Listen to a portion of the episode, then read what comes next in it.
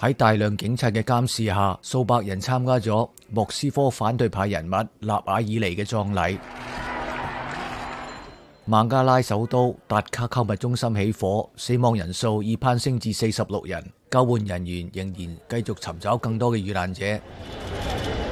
世界衛生組織表示，以哈戰爭瘫痪咗加沙嘅衛生系統，造成咗嚴重嘅飢餓同埋絕望。